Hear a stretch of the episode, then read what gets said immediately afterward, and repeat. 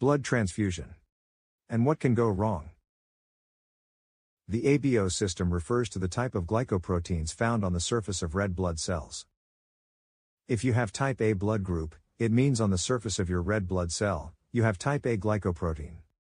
It also means that you have antibodies to type B blood. And people with type B blood have antibodies to type A blood. This antibody is an IgM, and because of that, type A and type B cannot receive blood transfusion from each other. So, if by mistake a patient with type A receive type B blood, his immune system will recognize the new RBCs as intruders. These IgM antibodies can bind to multiple donor red blood cells, which can result in the red blood cells clumping together. In addition, the IgM can also activate the complement system, which can form pores on the donor's red blood cells and destroy them. This is called a hemolytic transfusion reaction. The IgM also activate other immune cells to cause a systemic immune response resulting in fever, hypotension, and rash. In ABO system, the other types are AB and O. People with blood type AB don't have antibodies to type A or B, so they can receive blood from any of the blood types. We call them universal recipients. And people with type O blood have antibodies to both A and B glycoproteins, so people with type O cannot receive type A, type B, or type AB blood. But since their red blood cells don't have type A or type B antigens, they can donate blood to anyone.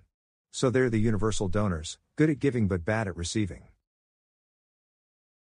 The other major blood groups to be aware of are the RHD groups, means, any ABO type of blood can be RHD positive or RHD negative. RHD positives have this protein on the surface of red blood cells, means they have no antibody against RHD in their plasma. RHD negatives have no Rh protein on the surface of red blood cell, however, they can produce anti-D antibodies if they are exposed to Rh positive blood. This is especially important in pregnant women, with Rh negative, that carrying an Rh positive baby, and the mother may develop anti-D antibodies, which can cause problems during pregnancy. Therefore, an individual with B positive blood type can receive a blood transfusion from a B positive or B negative donor, as well as from any O positive or O negative donors. A person with B negative is better to only receive a blood transfusion from a B negative or O negative donor, because exposure to RHD positive blood can lead to the production of anti D antibodies in them. Thank you for watching.